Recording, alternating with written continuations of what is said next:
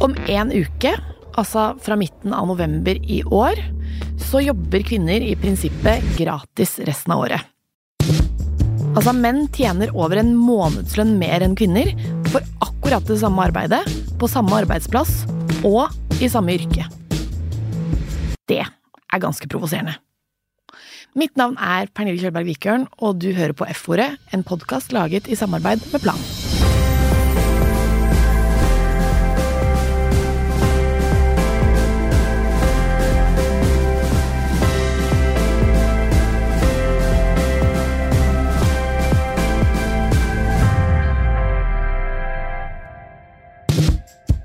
Vi jobber gratis.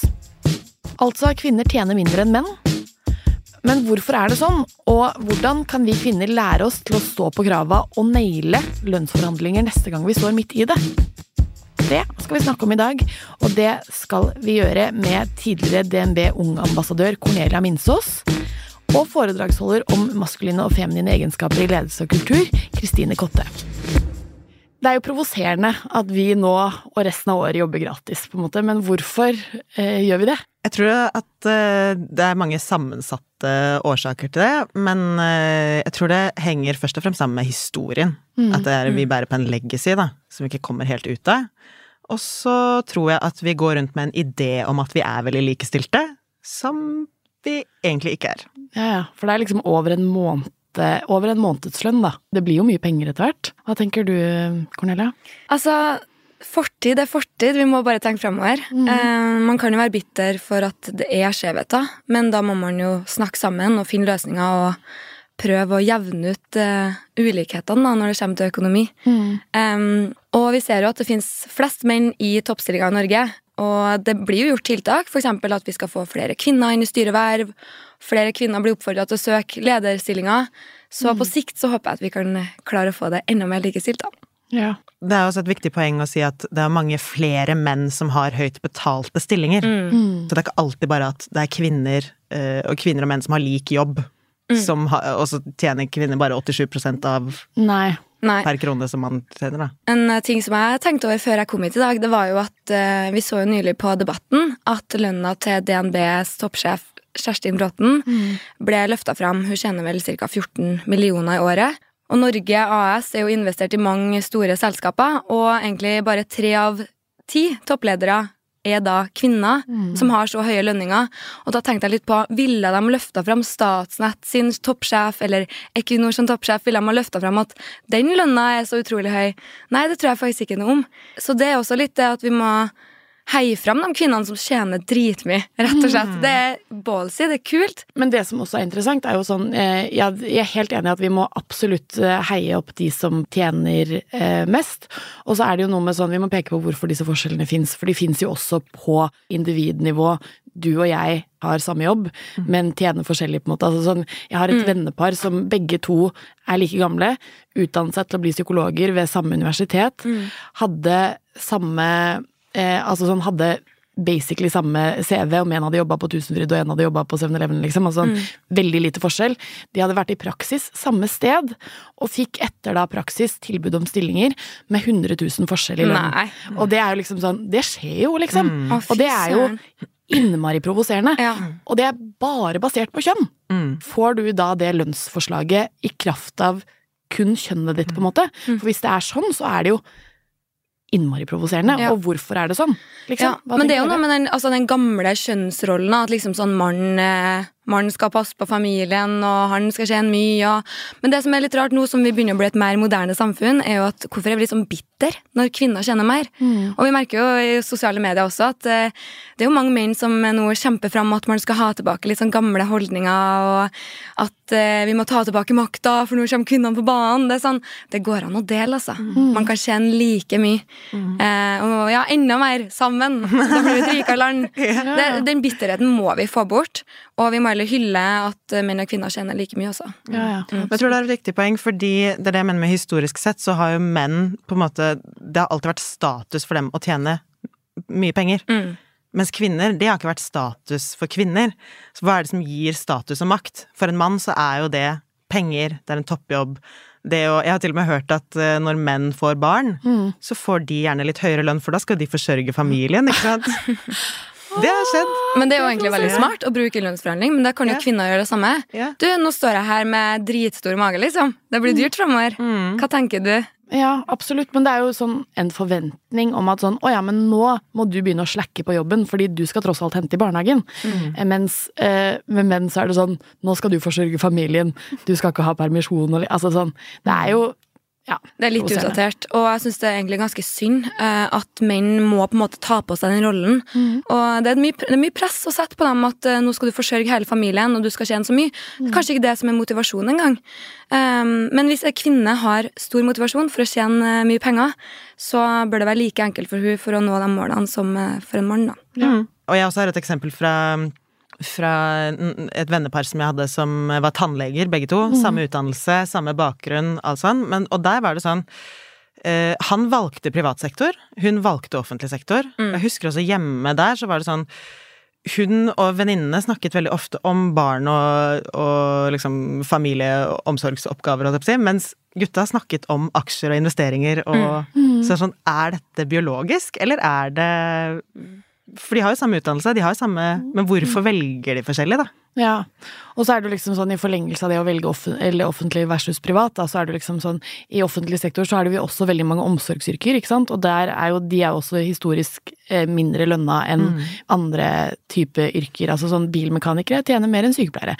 Altså sånn, det er jo en eh, et fakta, på en måte, og så er det sånn, vi har jo da satt en eller annen pris på hvilke oppgaver som er såpass viktige at de får høy løn- lønninger, på en måte. Og den prisen er jo veldig skjev etter hva vi har behov for, for vi ser jo liksom når shit hits the fan, da, og det er covid og eh, vi må ha bare samfunnskritiske oppgaver, så er det jo på en måte sykepleierne som jobber seg i hjel. Mm. Det kan jo egentlig hende at eh, de jobbene som har med omsorg å gjøre, kanskje gjør oss mer lykkelige, da. Ja, 100 Eh, fordi det har jeg egentlig tenkt litt på at the end of the day. Altså, man bruker jo veldig mye tid av livet på jobb. Ok, du har valgt en jobb eh, der du får dritbra lønn, men hvor lykkelig er du egentlig? Hva er det som gjør deg glad? Eh, jeg merker jo veldig stor forskjell i samtalene jeg har med mamma eller pappa. Så kan man jo tenke litt sånn, sånn eh, Ja, den typiske gamle kjønnsrollene. Hvem har det egentlig best, da? Mm. uansett om man tjener mye eller lite. Absolutt. Det jo Men så er det sånn, det, er det, eh, velger vi da yrke på grunn av egenskaper vi har iboende bonus? Altså du Kristine, du har jo eh, jobbet mye med liksom feminine, og- maskuline egenskaper. Um, og fortell litt om det, liksom. Hva er en typisk maskulin egenskap versus feminin, da? Ja, jeg skrev masteroppgave om det fordi jeg skulle skrive om hvorfor det tar så lang tid å få flere kvinner inn i ledelse. Ja. Og så var det for å se på, ok, de kvinnene som faktisk er i ledelse, for det er jo en del av dem, hva har de til felles? Eller har de måttet tilpasse seg? Og da så jeg på maskuline og feminine egenskaper i den sammenhengen. Så hvis vi tar noen eh, eksempler på maskuline egenskaper, så kan det være å være strategisk, visjonær, logisk, bestemt tydelig. Og på den feminine siden så har vi kommunikasjon, transparens, samarbeid, det å være fleksibel, autentisk og intuitiv. Og alle disse egenskapene har egentlig menn og kvinner lik tilgang på, men menn har i større grad blitt belønnet for de maskuline, og kvinner har blitt belønnet for de feminine. Og tilbake til næringslivet, da, så er det jo historisk sett menn som har bygget opp næringslivet, eller arbeidslivet, og hva som skal bli belønnet. Så derfor så når kvinner da kom inn i næringslivet, så måtte de på en måte lære seg de maskuline. Og så har jo, ikke sant, det er mange som har mer av det maskuline naturlig i seg.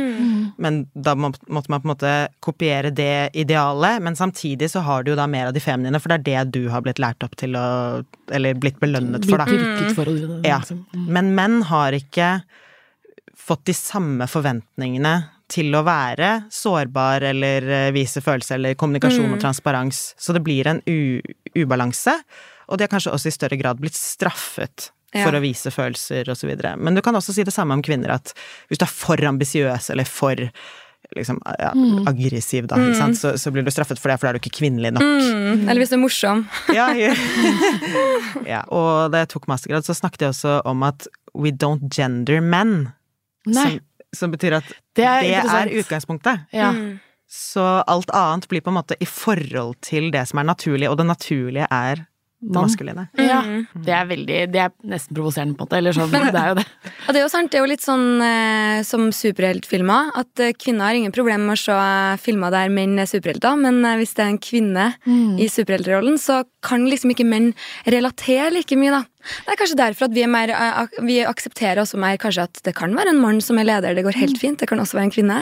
Det er jo litt som den Hans og Hanna-studiet, som var at studenter ble plassert i en eh, forelesningssal. Og så fikk de presentert to helt like ledere. De hadde samme familiesituasjon, samme CV, samme jobb, samme lederegenskaper. Alt, liksom. Det eneste som skilte de, var at eh, den ene lederen het Hans, og den andre het Hanna. Og da viste det seg jo at Hanna ble oppfattet som en for streng leder, en lite tilstedeværende mor, veldig arrogant, mens Hans ble oppfattet som en god leder med kontroll, en god familiefar, en du respekterer og vil være som. Og det tyder jo veldig på at vi har eh, ganske sånn iboende fordommer om kjønn. Har du noen gang opplevd å bli urettferdig behandla på grunn av at du er kvinne, Cornelia? Det var en gang jeg hadde jobba utrolig hardt, og det var kjempesårbart å ta den forhandlinga. Eh, og lederen var da en kvinne, og jeg hadde jo forventa at hun skulle forstå litt mer hvor jeg kom fra. Og det gjorde jeg ikke i det hele tatt. Jeg synes hun var Hun hersketeknikka meg og var iskald. Jeg bare ble sånn Det er nå greit nok, det, men jeg ble liksom ekstra skuffa, fordi jeg tenkte hun som kvinne bør jo i hvert fall forstå. Når man har jobba så hardt. Fikk ikke den lønna jeg hadde håpa på. Jeg følte ikke meg egentlig så veldig eh, verdsatt, egentlig. Eller sett, nei. Jeg fant også ut at eh, nyansatte, ei jente, hun tjente like mye som meg, som hadde jobba der i nesten tre år. Og en nyansatt gutt, han tjente 100 000 mer. Og da Da hadde jeg fått nok. Ja, ja. Så da sluttet du? ja, Ja. det gjorde jeg. Og så tjente jeg mye mer jeg slutta, ja. ja. Fant ut av hva er egentlig min verdi, hva er verdien av de tjenestene jeg leverer, hva jeg får til, den kunnskapen jeg har, personligheten min, som er jo unik. Man må tenke også at man sjøl som person er også en unik ting, da. Ikke bare det man har gjort, eller, hvem, eller liksom, hva man har fått til. Men så Så er det liksom sånn tabu å snakke om økonomi, da. Så det er ikke, noe, Ah, det er ikke gitt at du egentlig hadde funnet, finn, funnet ut av det, ikke sant? At Nei. du hadde funnet ut at du egentlig da nå får mindre enn Mm. noen som har mindre erfaring Ja. enn deg, Ja. og som egentlig produserer mindre per nå, da. Ja, ja, ja. Eh, Og det var vanskelig, altså. Ja, for hvordan finner man ut av det? Da må man jo snakke sammen, da. Ja. Men så er det jo tabu å snakke om penger, og, og det er jo egentlig en veldig uting. Så jeg prøver sånn i min eh, vennegjeng å være sånn ja, hva tjener du da? Men det er jo 100 flaut, på en måte. På. For det er noen som ikke har lyst til å snakke om det i det hele tatt, fordi det er veldig privat, mens andre som er bare sånn ja, nei, jeg gjør dette også. Sånn, ok, kult, hvordan har du fått til det? Ja. Man har jo ofte de samme forutsetningene. Men så sier vi er i denne eh, lønnsforhandlingen, da, Mm. og ikke har lyst til å bli eh, Begynne å grine? Begynne å gråte, eller hva enn, på en måte. Altså, det må være lov å gråte òg, liksom. Det Nei, noe det ville jeg ha spart meg for. Ja, men Det kommer ingen, vet du hva, Jeg skjønner du brenner for den jobben og har veldig lyst, men ikke begynn å grine. Ja, men det er lettere Grin sagt enn gjort, på en måte. Tror jeg, da. Ja, fordi det er, det er veldig sånn. Det er jo en sårbar posisjon. Det er Mm. flaut. Det er eh, på en måte Det er jo flaut å si, sette en verdi på seg selv på et vis, og det er jo det man gjør når man går inn i det rommet. Mm. Og da er det liksom sånn Jeg for eksempel er jo en sånn type som nesten hver eneste gang jeg snakker med en, en autoritær person, eller en som er Altså ja, så Mm. det kan jo være hvem som helst, egentlig, da. Så er jeg veldig lett for at jeg begynner å gråte fordi jeg blir flau. Og det er jo bare sånn, det skjer bare i kroppen min, så da har jeg bare lært meg til å si sånn Nå gråter jeg ikke fordi jeg er veldig lei meg eller veldig skuffa, det er bare fordi dette er reaksjonen kroppen min har. For du kan ikke styre det, liksom. Men det beste hadde jo selvfølgelig vært å liksom bare kunne skru av den knappen og si sånn Men jeg fortjener dette, liksom. Men hvordan gjør man det, da? Har vi noen tips og triks til lønnsforhandlinger, og hvordan vi kan finne ut, egentlig, ikke bare hva vi skal gjøre i en lønnsforhandling, men også vi, hvordan vi skal finne ut hvor mye vi skal spørre om. Fordi man er jo sånn Unnskyld at jeg er tilstemning, på en måte. Mm. Jeg tror det, det eksempelet som du ga, da, for du går jo inn der, så har du en veldig klar forventning om at eh, Eller du har en veldig, et veldig klart bilde av hva du har levert, og du skal, selvfølgelig skal du kompenseres for det, ikke sant? Eh, og så ser ikke din leder det på den måten. Det er jo veldig sårende, og det er veldig sånn Det er, det er jo knyttet masse følelser til det, Ja. og du er sliten, du har slitt deg ut. Og jeg tror at hvis man skal eh, være smart, så må man også se det fra arbeidsgivers side. Mm. Og det å kunne liksom si sånn eh, Hvilken kompetanse trenger du? Jeg trenger denne og denne utviklingen for at jeg skal kunne bidra til det målet som selskapet har som fellesskap. Altså sette seg litt inn i eh, hva er det jeg faktisk bidrar med dit hvor selskapet skal, eksempel. Og så er det lurt å be om mer enn det man egentlig tror man kan få, holdt jeg på å si. Eller det, Ja, nesten- Hvis jeg vil ha 100 000, da, så be om 150 i hvert fall. Ja.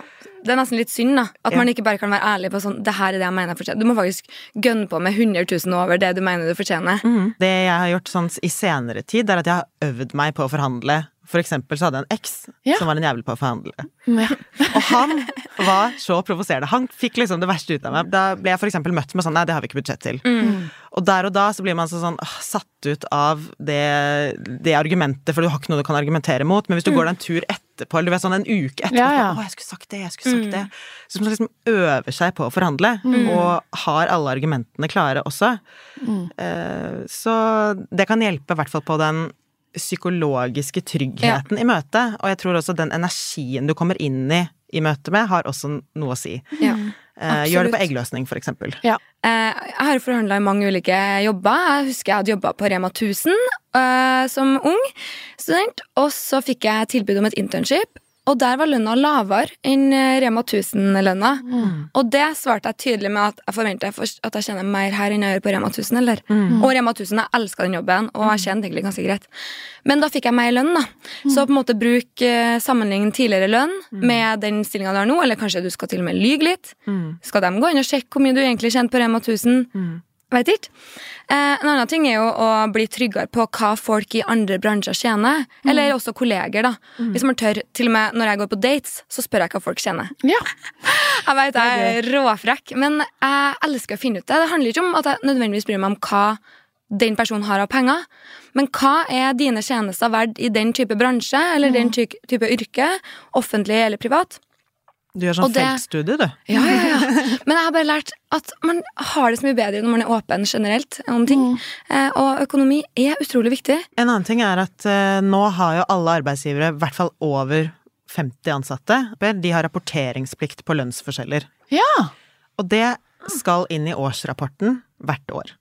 Og da kan du, hvis du har mistanke om at du tjener mindre enn de på ditt nivå, da, for der er altså prinsippet at du skal Altså om det er lik lønn for arbeid av lik verdi. Ja. Så hvis du jobber i et selskap eh, mer enn 50 ansatte, så kan du gå inn i årsrapporten og se, og da må du vite hvilket nivå, eller sånn hvilken stillingskategori du tilhører, da. Mm. og så kan du sjekke lønnsforskjellene. Ja. ja, for det er interessant. Eller det må man jo gjøre, da. Bruk det til din fordel, liksom. Jeg har også et uh, tilleggstips her. Det er jo at eh, alle norske selskaper er registrert på proff.no. Ja. Så du kan gå inn på proff.no, se på regnskapet til bedrifter, sjekke hvor mye lønnskostnader de har. Ja. Ja. Så kan det være litt sånn, ok, hvis jeg tjener så og så mye, og vi er så og så mange ansatte, hvor mye lønn tror du lederen har? For eksempel. ja, ja. Så det er, det er mye informasjon man kan finne om selskaper også. Så det å skylde på lave budsjetter, det, det kan ofte gjennomskues, da. Ja, Um, men for noen som aldri har lønnsforhandlet før, som er liksom nyutdanna og skal ut i sin første jobb, hva bør de tenke på? Jeg tror den aller viktigste lønnsforhandlingen man tar, er startlønna. Ja. Fordi det er egentlig grunnlaget du begynner på. Det er det viktigste. Eh, Det er ikke sånn at du kommer til å få lønnsforhøyelse på 200 000 i året. Det, det skjer veldig sjeldent. Ja, ja. Det er ofte at man får eh, lønnsøkning med 10 000, 20 000 osv. Så, videre. så hvis du er hard i starten eh, Fordi de, har jo, de vil jo ha det. De gir jo deg jobbtilbudet. Og det er der man må legge inn innsatsen, egentlig. Jeg vet, det er jo, men den første lønnsforhandlingen er jo også den vanskeligste. Inn på startnivå. Hvis du ikke har hatt en, ordentlig jobb før, en voksenjobb før, så er jo det den vanskeligste, for da vet du i hvert- fall ikke hva man er verdt, liksom. Nei, nei. Og du har ikke vist hva du kan heller. Så det, er, og det er det som er litt sånn fjernt, egentlig. da, For jeg er jo helt enig med deg at sånn, den første, den er også den eh, viktigste. Ja, at det, man må begynne på et nivå som på en måte Ja. er på bransjestandard. Men det er jo også dritvanskelig, fordi du er jo da ung og skal komme inn der og ha på en måte er jo prisgitt å få en jobb. for du trenger den jobben nå, på en måte. Altså sånn, Yes. Og det vet du jo. Mm. De jo og presser deg. Men så er det jo sånn, hvis jeg, hvis vi nå alle tre begynner i vår første jobb i morgen, og jeg begynner 100 000 lavere enn dere, så vil jo det, uavhengig av hvor mye vi øker i lønn, så kommer jeg alltid til å ligge under. Yes. Og det er jo veldig synd. For det gjør jo at vi eh, Det er altså sånn Penger er jo det som styrer, på en måte. Men um, en annen ting man kan gjøre hvis man ikke får den lønna man vil, da, det er å eh, prøve å finne ut ok, hvordan kan jeg skaffe andre typer verdier fra selskapet. Ja. Og da snakker jeg ikke om å gå i merch-boden og hente seg capser og drops. Nei. Da snakker jeg om eh, mobilabonnement, firmabil hvis du trenger bil, hva til Trenings- treningsabonnement, Forsikringer. forsikringer Og- og jævlig god pensjonsordning. Det må du sørge for å få. Ja, og eh, full, fullt dekket eh, foreldrepermisjon. Altså Ja. full lønn Ja. i foreldrepermisjon. Det tenker man ikke så ofte på som ung, og heller ikke pensjon. Da. Mm. Fordi hvem som tenker på man, hvor man skal kjøre rundt i bobil som 75-åring, liksom, Mm. når man er 23? Ingen. Men tenk på det! Du skal leve som en legende Ja. når du pensjonerer deg, så tenk på det tidlig. Ja.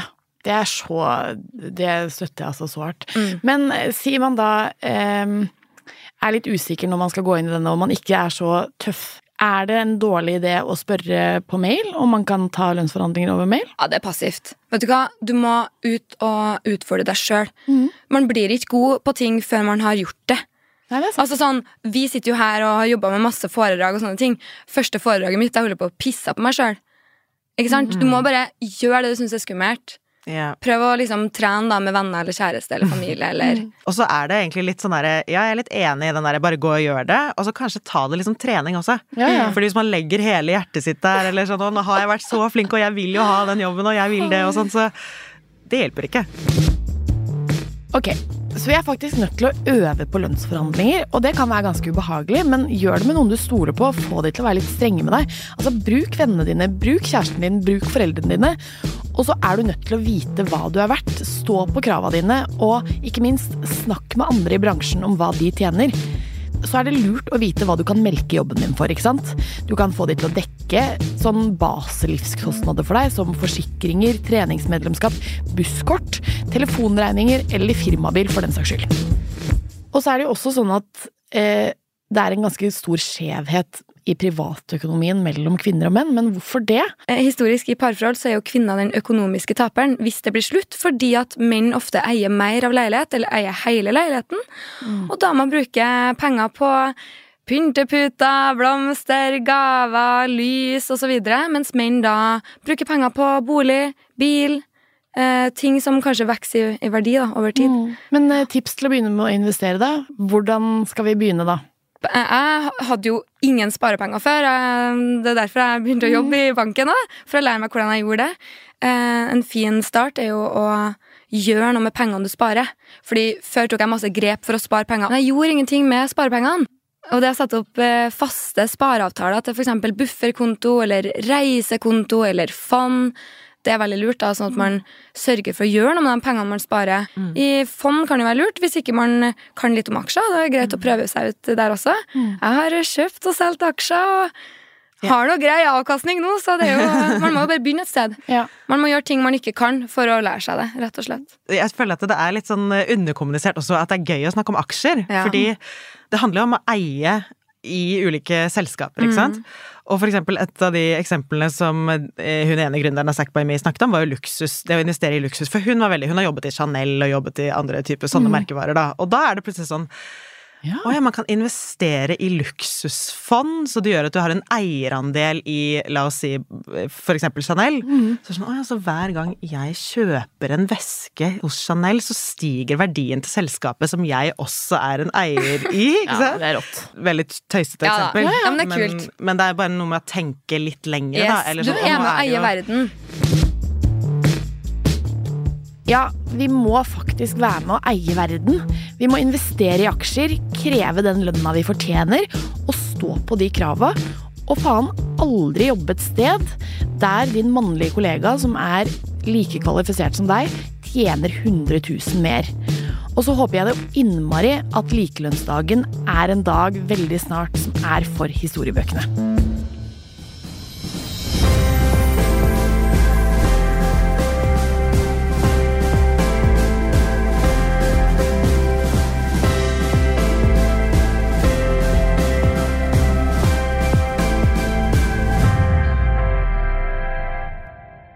F-ordet er produsert av Monster Podcast i samarbeid med Plan International Norge.